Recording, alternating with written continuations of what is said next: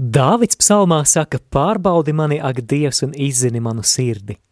Izmeklē mani un izdibini manas domas, un lūko, vai es neesmu uz ļauna ceļa, tad vadi mani pa mūžības ceļu. Nereti savu sirdsapziņu mierinām, ka attiecībā uz to un to bausli varu ievilkt ķeksīti, ka esmu to izpildījis.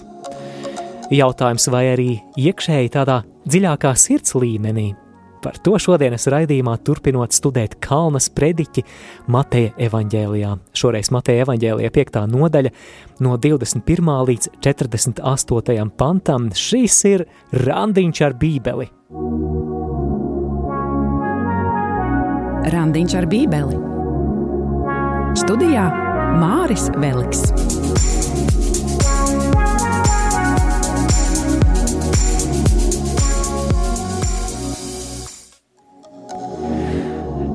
Esi sveicināts, dārgo klausītāj, šis ir tavs Bībeles studiju raidījums.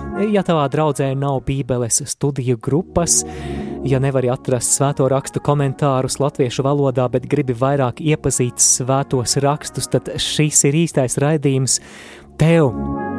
Pirms nedēļas mēs runājām par Jēzus attiecībām ar vecās derības likumu. Šodien mēs raidījumā runāsim par sešiem piemēriem, kas ilustrē, kā tad Jēzus aicina attiekties pret likumu jeb baušļiem. Šodienas tekstā Mateja evaņģēlijā 5. nodaļā no 21. līdz 48. pantam dzirdēsim tādus sešus pretnostatījumus, jeb antitēzes, kurus Jēzus ievadīs ar formulu Jūs esat dzirdējuši, bet es jums saku. Jēzus šeit runās par sešām morāles problēmām - par slepkavību, par laulības pārkāpšanu, par laulības šķiršanu, par zvērestu, par atriebību un par mīlestību uz ienaidnieku. Tātad no šajos sešos piemēros mēģināsim ieraudzīt uz kādu attieksmi pret bauslību, Jēzus aicina mūs kā debesu valstības pilsoņus.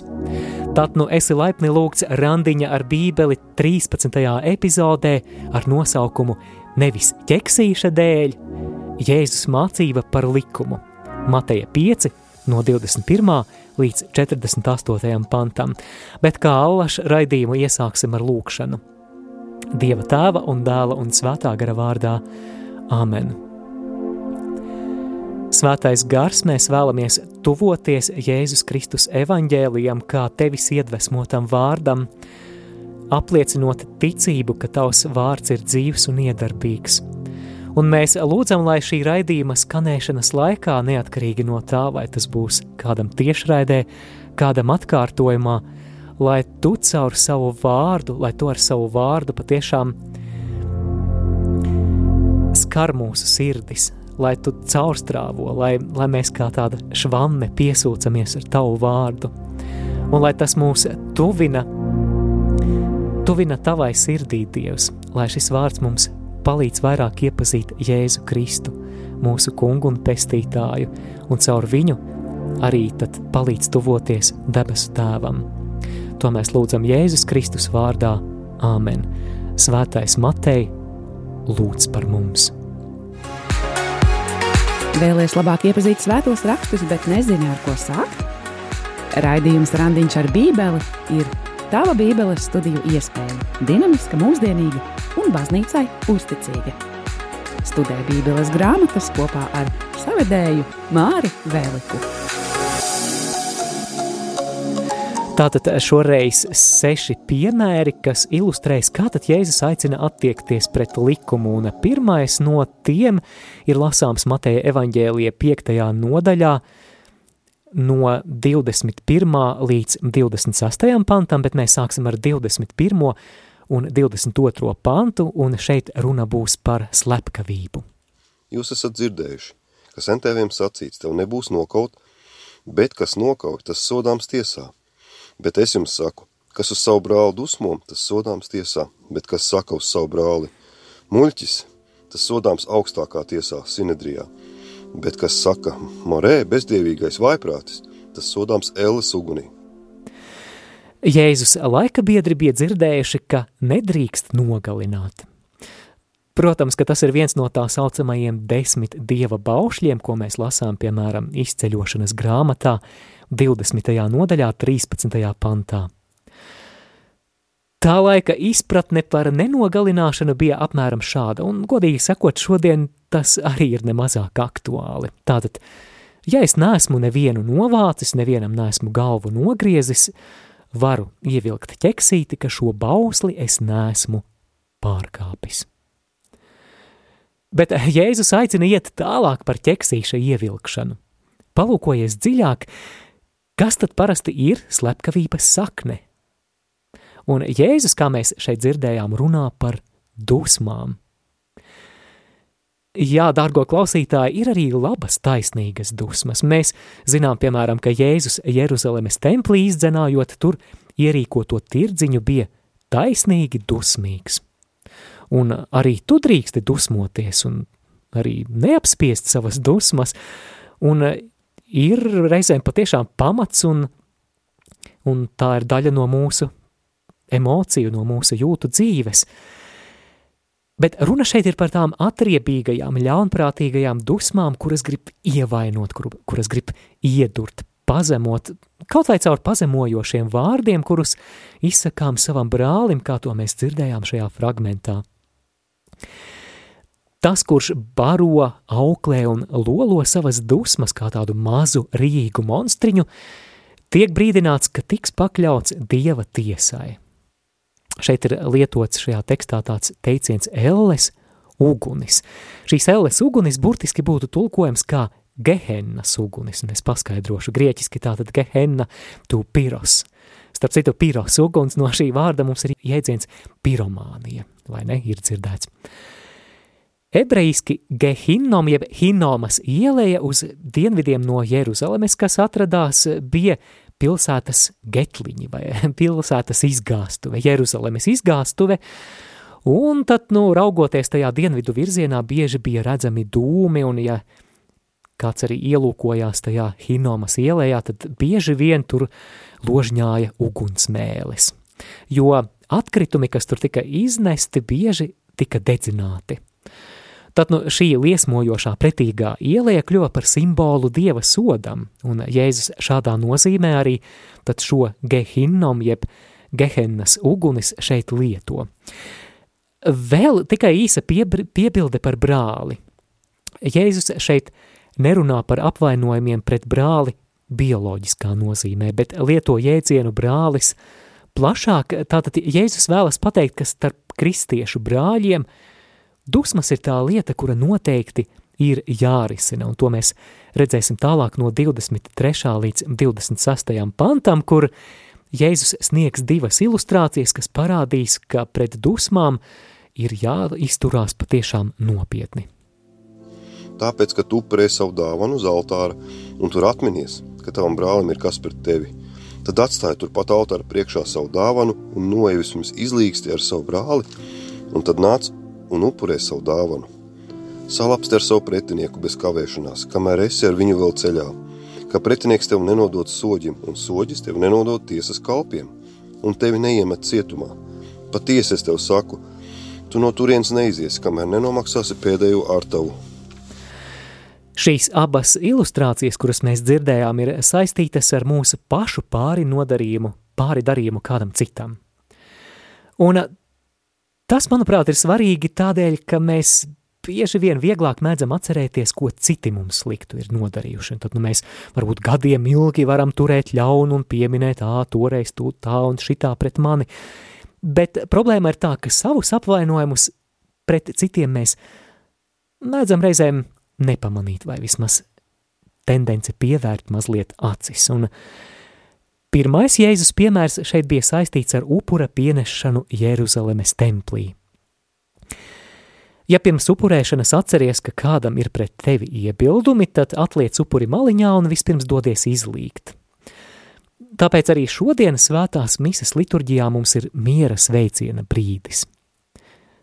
Jā, varbūt mēs reizēm pret to izturamies tā diezgan formāli, tagad koronas laikā mēs vienkārši tā paklanāmies viens pret otru, bet Patiesībā tā ir domāta kā iespēja izlīgt ar kādu tev līdzās esošu cilvēku, kuram iespējams esi nodarījis pāri, kuru esi sāpinājis, pirms tu dodies pie komunijas.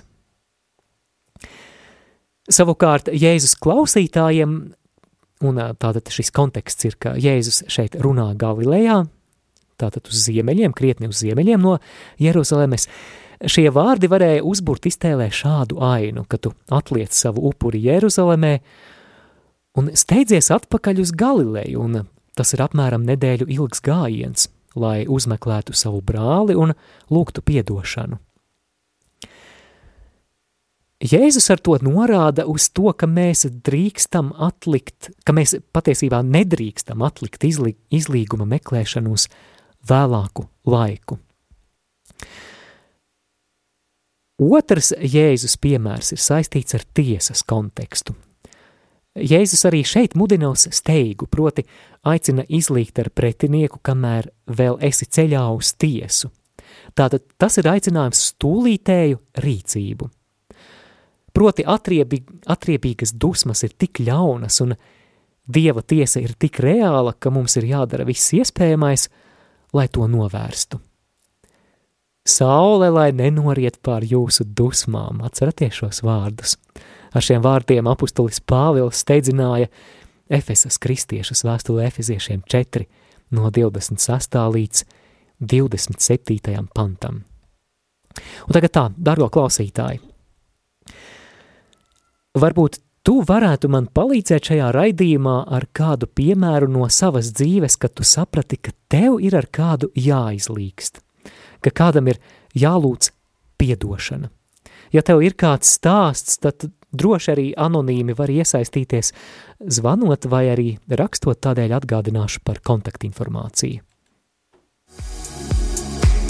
Iesaisties ēterā, zvanot uz studijas tālruni 67 969 131 vai rakstot īsiņu uz numuru 266 77 272.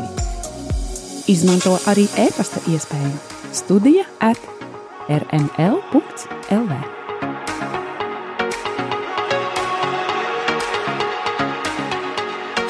Tātad jautājums klausītājiem ir, varbūt jums ir kāds piemērs no jūsu dzīves, kad sapratāt, ka jums ar kādu ir jāizlīgst un jālūdz piedošana. Es eh, atcerējos eh, režisora Davida Linča 1999. gada filmu The Straight Story, jeb Straight stāsts, kur stāsts tāds interesants un diezgan sirsnīgs. Tātad 70 trijus gadus vecs večuks Alvins Streits, uzzinot, ka viņa brālis ir uz slimības gultas, saprot, ka vēlas ar viņu izlīgt pirms brālis mirst, un tā kā Alvins ir vienkāršs, visai trūcīgs zemnieks, viņš dodas pie brāļa, šķērsojot vairākus ASV štatus ar vienīgo viņam pieejamo transporta līdzekli, proti ar mazu traktoriņu zāles pļāvēju. Ļoti jauka filma, to es iesaku noskatīties. Tāda The Straight Story, Davids Linčs.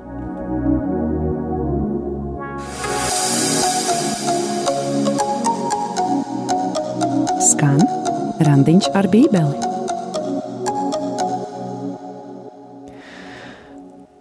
Otrais piemērs šajā tekstā, kuru šodien studējam, ir par laulības pārkāpšanu un klausāmies tekstu no Mateja evaņģēlija 5. nodaļas no 27. līdz 30. pantam. Jūs esat dzirdējuši, ka ir sacīts, tev nebūs laulība pārkāpt, bet es jums saku, ik viens, kas uzskata, sievieti to iekārodams, jau laulību ir pārkāpis savā sirdī. Bet ja tava labā acis tevi apgriecina, izraut to, met to nost, jo tas tev labāk, ja zūd viens no taviem locekļiem, nekā visa tava miesa to piemesta ellē. Un ja tava labā roka tevi apgriecina, tad nocer to un met nost, jo tas tev labāk, ja zūd viens no taviem locekļiem, nekā visa tava miesa tiek iemesta ellē. Lūk, vēl, nu, vēl viens piemērs tam, kā Jēzus aicina neaprobežoties ar ķeksīša ievilkšanu kāda paušļa izpildē, bet aicina lūkoties dziļāk, tātad uz dziļāko motivāciju. Un šoreiz, kā tu nojautu, runa ir par bausli, tev nebūs pārkāpt laulību izceļošanas 2014. Nereti ar to tika saprasta tāda burtiska pārgulēšana ar kāda cita sievu. Bet Jēzus aicina skaties jau uz laulības pārkāpšanas sakni, uz to, kāpēc tas viss sākas, proti, pievērs uzmanību jau iekāres domām. Tātad nevis ķeksīša ievilkšana attiecībā uz ārēju rīcību, bet rūpējies par iekšēju sirds šķīstību. Viss sākas ar domām, ar to, kas notiek tavā sirdī, jo parasti jau nemēdz būt tā, ka kāds atjēdzas gultā un blakus cita sieva, un viņi ir pārgulējuši, un ak, ak jā, kā tas varēja gadīties. Tam iesākums ir bijis jau iekāres domās, un šādā nozīmē nešķīstībā parasti nevis iekrīt, bet ieslīd. Un tālāk mēs lasīsim no 29. līdz 30. pantam, kur Jēzus aicina uz ļoti, ļoti radikālu cīņu pret grēku. Tātad lasām no 29. līdz 30. pantam. Lasīšu tagad no jaunā tulkojuma. Bet, ja tava labā acis tevi apgrēcina, izrauj to un met projām. Jo labāk tev ir zaudēt vienu savu locekli, nekā visa tava miesa tiek iemesta ellē. Un ja tava labā roka tevi apgrēcina, nocērt to un met projām, jo labāk tev zaudēt vienu savu locekli, nekā visa tava miesa nonāk ellē. Skarbi vai ne? Acis izraušana un labās rokas amputācija ļoti drastiski un radikāli.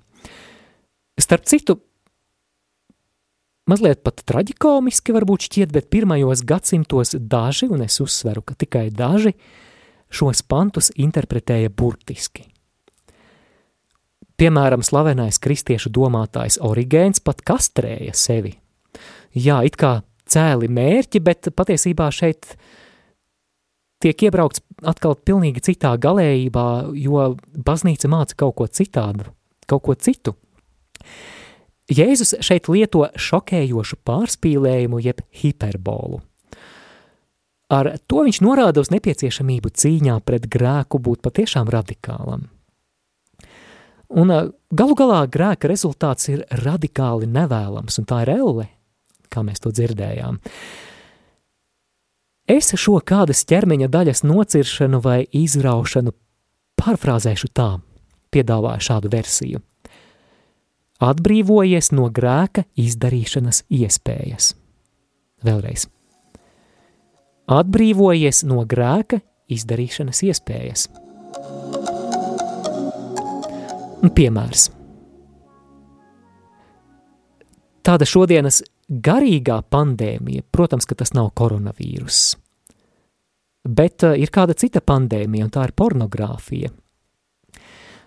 Tas tādēļ, ka, protams, interneta iespējas un līdz ar to pornogrāfija ir kļūsi pieejama bez maksas un momentāli, un tāds slavens katoļu runātājs un autors kā Mats Frets saka tā, ka Ja agrāk, lai tiktu pie pornogrāfijas, bija nepieciešams laiks, nauda un piepūle, tad tagad nepieciešams laiks, nauda un piepūle, lai no pornogrāfijas tiktu vaļā.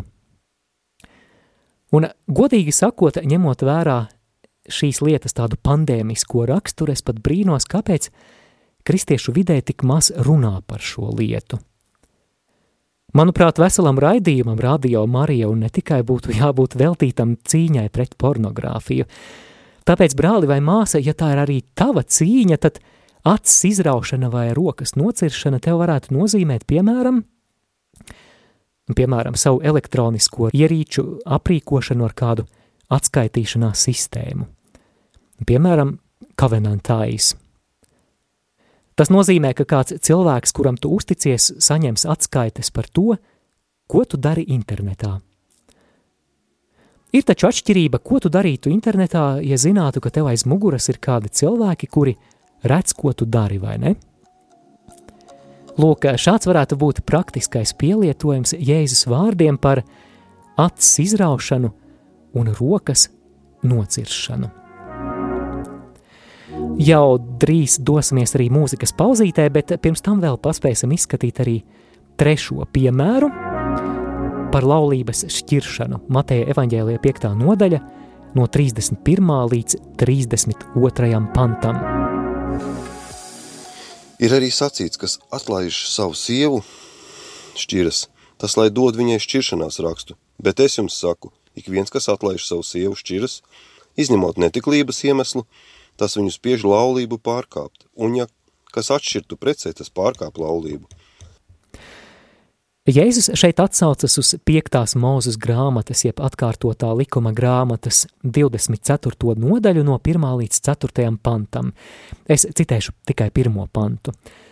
Ja kāds ņem sievu un laulājas ar to, bet vēlāk zaudē viņa vēlību, jo viņš pie tās atradis ko netīkamu, un viņš raksta tai šķiršanās rakstu, dod to viņai un sūta projām no sava nama. Jā, klausītāji, tātad šāda šķiršanās raksta iespēja vecajā derībā patiešām bija. Bet Jēzus šeit norāda, ka sievas atlaišana nostāda viņu ļoti smagā sarežģītā situācijā, jo parasti tajā laikā šķirta sieviete agrāk vai vēlāk meklēja izdevību vēlreiz apprecēties, jo tā bija vienīgā iespēja, kā tikt pie iztikas.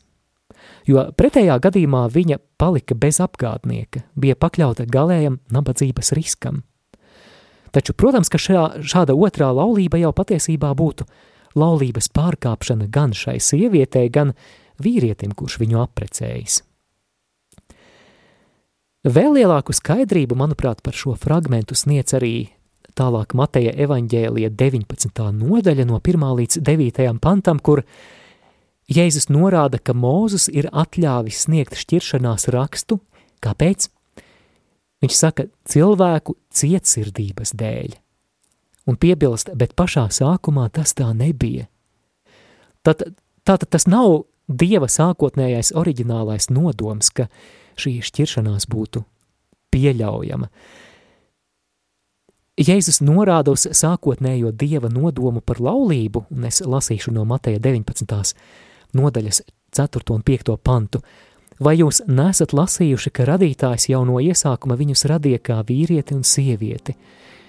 Un sacīja, tādēļ cilvēks atstās tēvu un māti un pieķersies savai sievai, un tie divi būs viena miesa. Dodamies mūzikas pauzē, bet, dārgo klausītāji, ja tev ir kāds stāsts, kāda liecība par to, kā jūs kādā brīdī apzinājāties, ka ir jāmeklē izlīkšana, ka esat varbūt gājuši vai zvanījuši vai braukuši lūgt piedošanu, un ja vien esat gatavi tajā padalīties, tad priecāšos, jo, manuprāt, tas ļoti labi papildinās šo raidījumu ar kādu praktisku piemēru izdzīves pasaulī, Dievs tiesās taisnīgi. Pasaulī, Dievs tiesās taisnīgi. Es slavēšu tevi, kungs, no visas savas sirds. Un stāstīšu par visiem taviem brīnum Es priecāšos un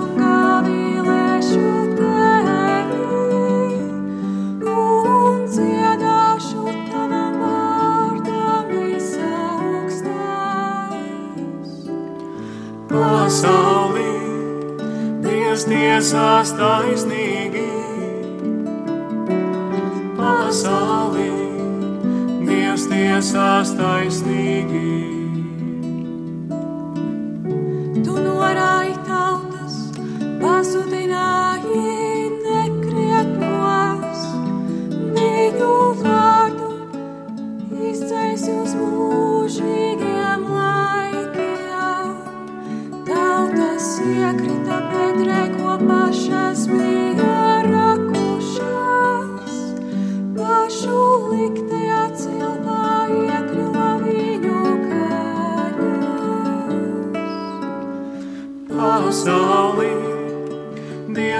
Tiesās taisnīgi.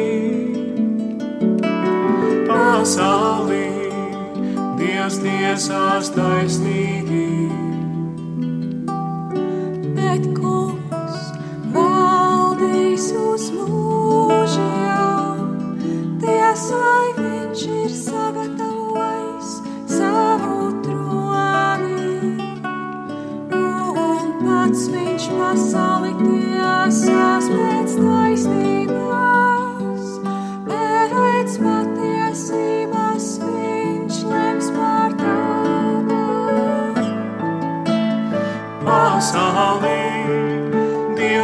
tiesās taisnīgi.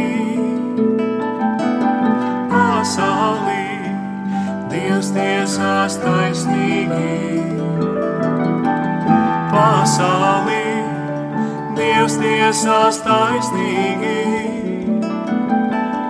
Pasaulī Dievs tiesās taisnīgi.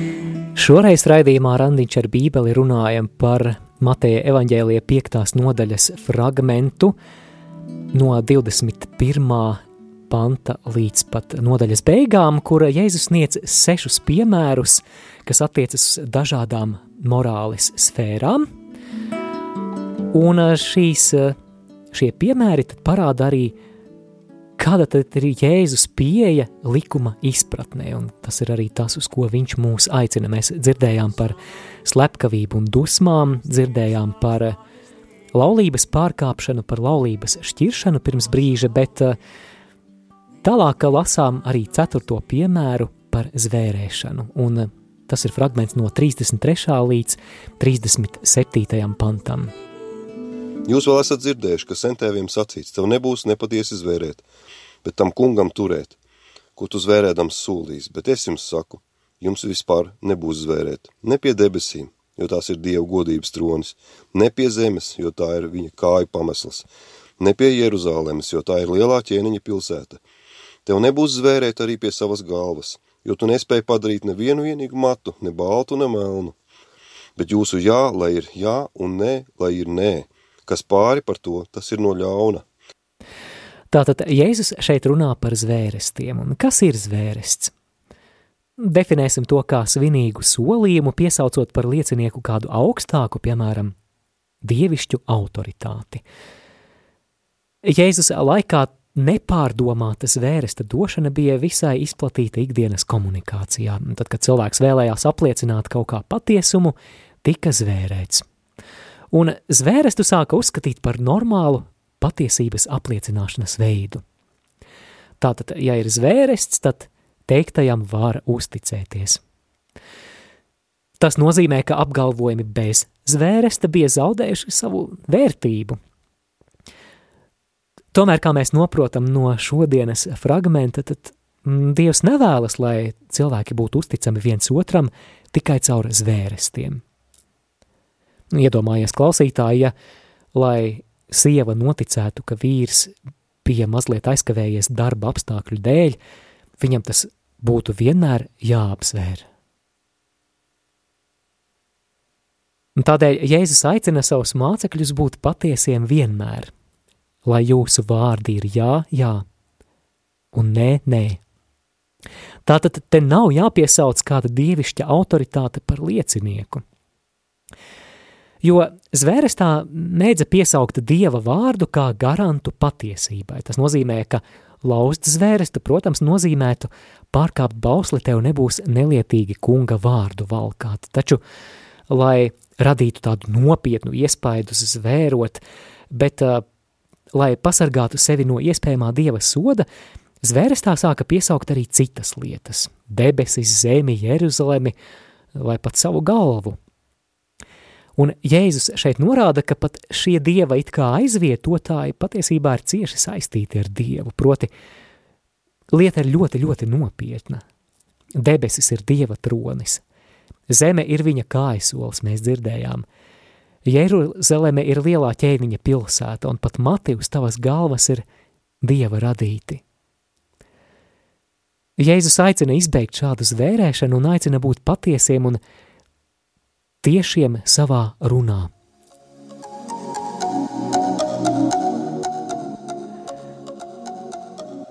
Kā šajā kontekstā iedaras mūžīgas uzticības zvērēšana Jēzus sirdī baznīcā dziedot himnu pretī visu augstākam? Godīgi sakot, man nav nejausmas. Vai tu vari garantēt mūžīgu uzticību un to apzvērēt? Es šeit neko neapgalvoju, bet manuprāt, tas būtu tāds labs jautājums diskusijai Latvijas baznīcā. Vai saskaņā ar Jēzus vārdiem Kalnas prediķī šo dziesmu vispār adekvāti ir dziedāt? Protams, var apgalvot, ka dziedot es zvēru mūžīgu uzticību, es patiesībā nezvēru. Jā, bet vai tas gadījumā nenoved pie cita rakstura problēmas? Kaut ko apgalvot, bet patiesībā tā nedomāt ir varbūt liekulīgi.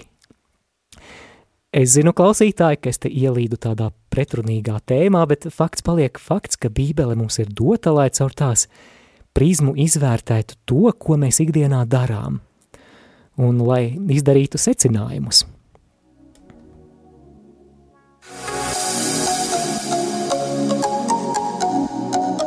Skan randiņš ar bībeli. Piektais Jēzus piemērs būs par atriebību, un lasīsim Mateja evaņģēlija piekto nodaļu no 38. līdz 42. pantam. Jūs esat dzirdējuši, ka ir sacīts aci pret aci un zobu pret zobu, bet es jums saku, jums nebūs pretīm stāvēt ļaunam, bet kas tev sit labajā vaigā, tam pagriez arī otru. Un kas ar tevi grib tiesāties un ņemt tavus svārkus, tam atdod arī apmetni. Un kas tevi spiež iet vienu jūdzi pāri ar to divas. Dod tam, kas tev lūdz un neatsaki, ja kas no tevis grib aizņemties. Šo principu aci pret aci, zobu pret zobu vecajā derībā atrodam vairākās vietās, gan izceļošanas grāmatā 21, 24, Levītu grāmatā, jeb 3. mūzes grāmatā 24 no 19. līdz 20. pantam, bet kas ir svarīgi, ka vecajā derībā noteikti šis princips nav dots atriebībai. Tā loma ir drīzāk Izrēļa tautai dot tādu gatavu formulu soda īstenošanai par pāridarījumiem. Tātad tas ir tāds tiesisks princips, bet problēma ir tā, ka, lai arī šis princips bija domāts, lai atriebību ierobežotu un lai sodītu taisnīgi, tas bija ļoti viegli pārvēršams par atriebības ieroci. Jēzus mācības šeit formāli it kā ir pretrunā šim vecās derības principam. Un te ir atkal jāatcerās tas, par ko mēs runājām pirms nedēļas, ka vecā derība un tā skaitā arī šis aci pret aci, zobu pret zobu princips norāda pirmkārt uz Jēzu un uz viņa mācību. Tātad Jēzus ir visas vecās derības piepildījums. Tas, uz ko vispār visi, visi vecās derības teksti norāda – Tātad uz vecās derības priekšrakstiem tagad mēs skatāmies caur Jēzus autoritatīvās mācības prizmu.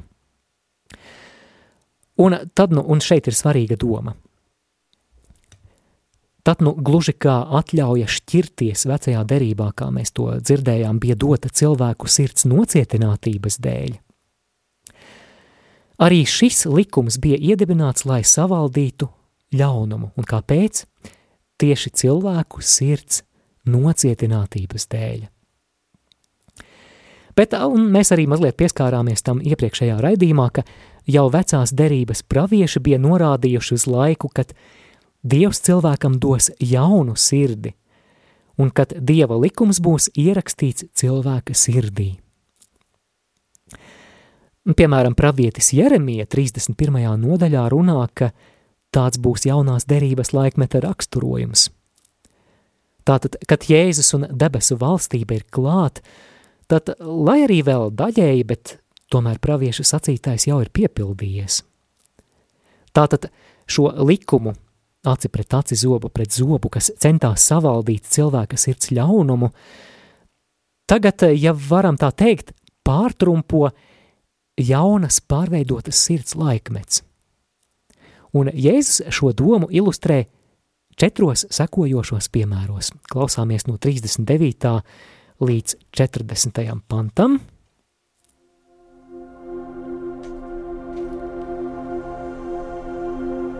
Bet es jums saku, nestājieties pretim ļaunumam, ja kāds tev sit pa labo vaigu, tam pagries arī otru. Jā, pagriezt otru vaigu tai vietā, lai īstenotu šo aci pret aci, zobu pret zobu. Jēzus māceklis tātad labprātāk izturēs atkārtotu uzbrukumu. 40. pantā mēs savukārt lasām, tātad 5. nodaļas 40. pants, kas grib ar tevi tiesāties un ņemt tavu kreklu, tam atdot arī virsdrēbes. Virsdrēbes jeb mētelis saskaņā ar mūzus likumu bija īpašums, kuru nedrīkstēja atsavināt.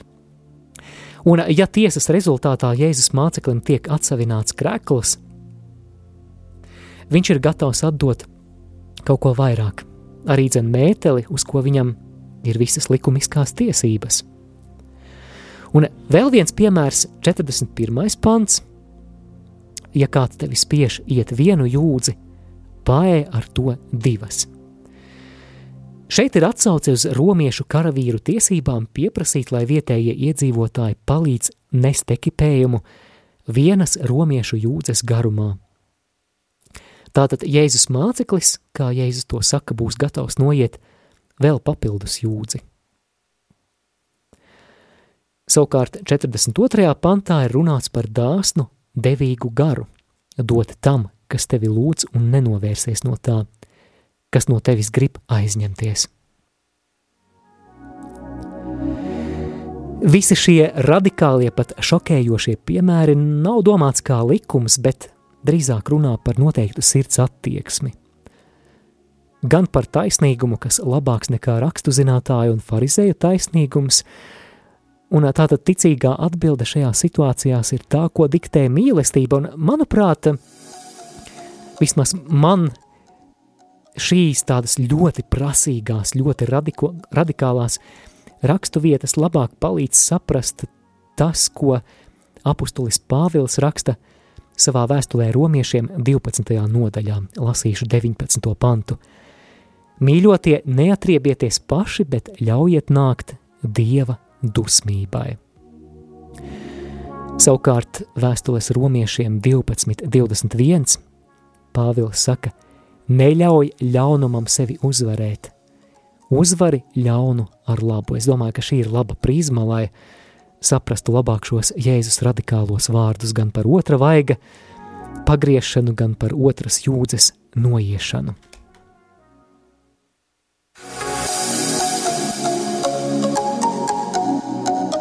Skan randiņš ar bībeli.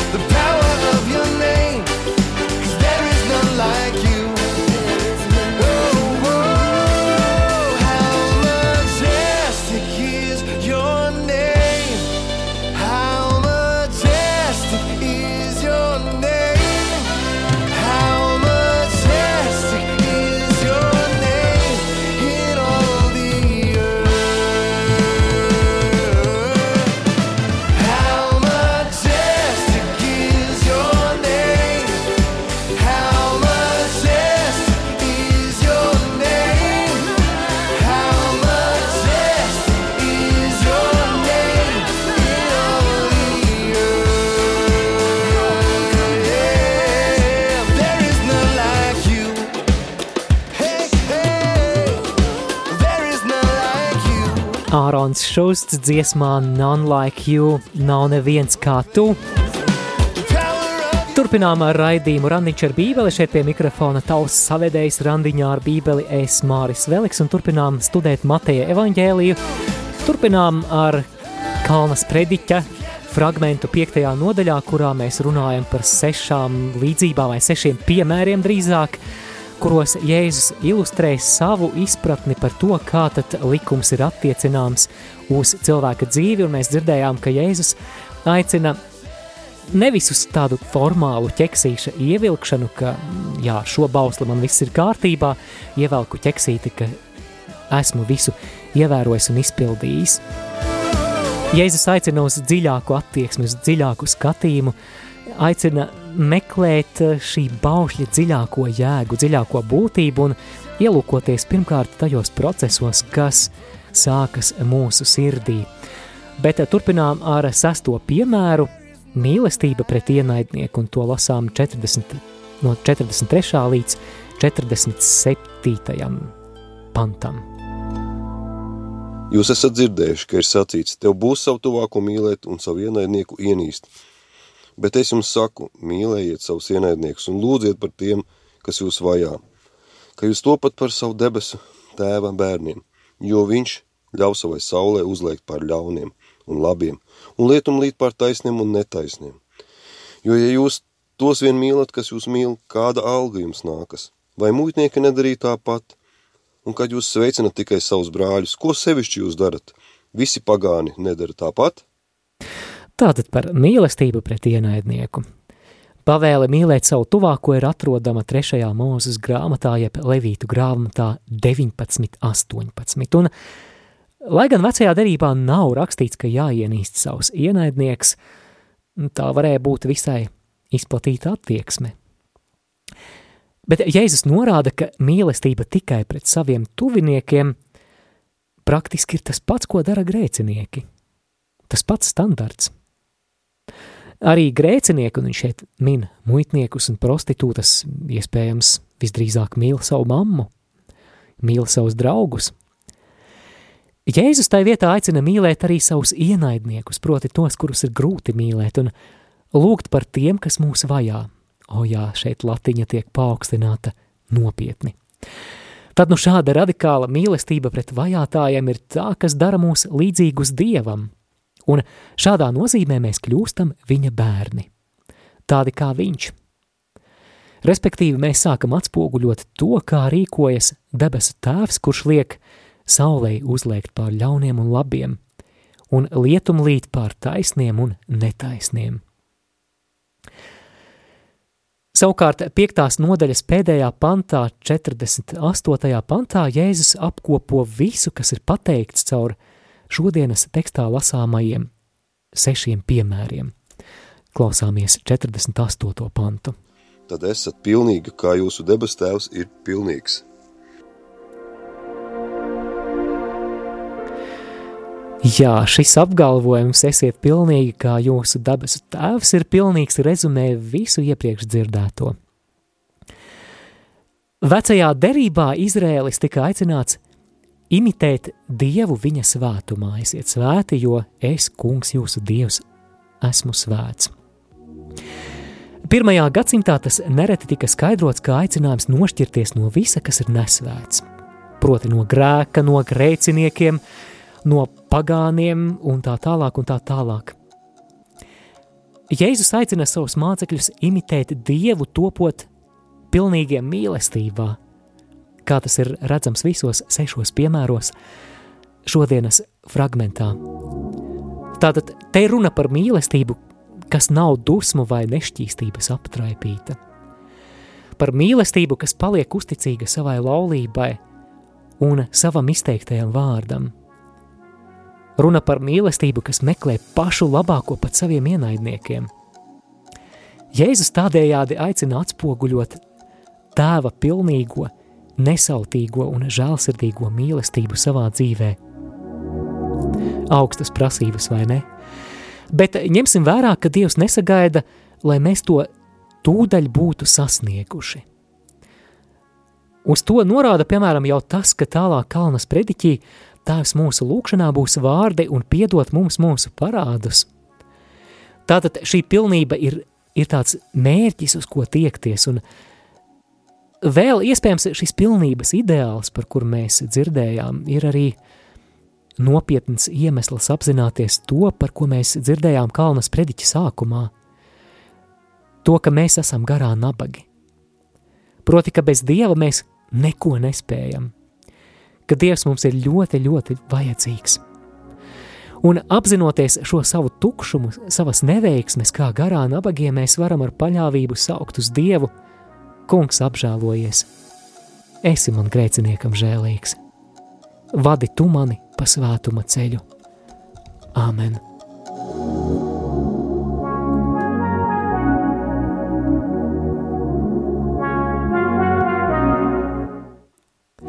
Dargo klausītāji, dodamies mūzikas pauzītē, un pa to laiku, ja tev kas komentējams vai jautājums vai sakāms, tad droši iesaisties, savukārt, ja nekādu ziņu nebūs, tad pēc dziesmas arī raidījumu noslēgsim.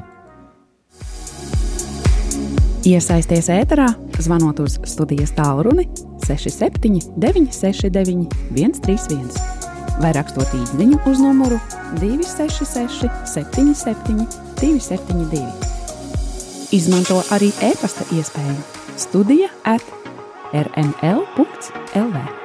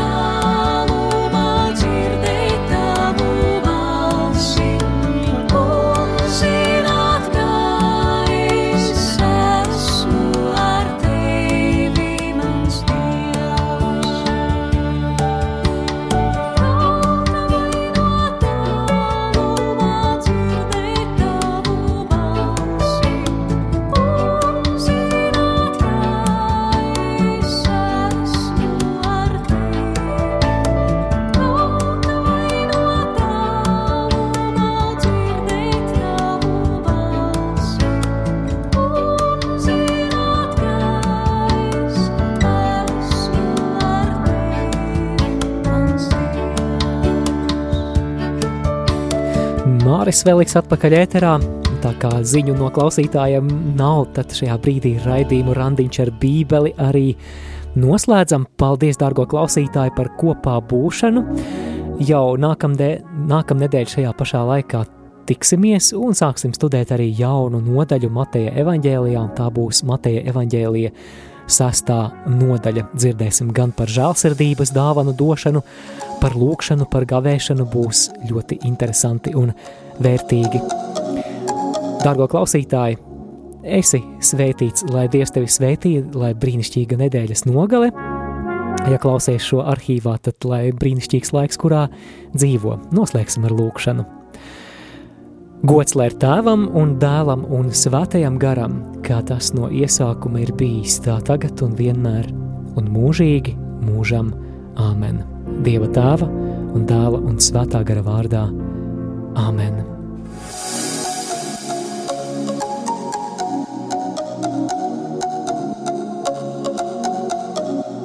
Jūs klausījāties raidījumu Randiņš ar Bībeli.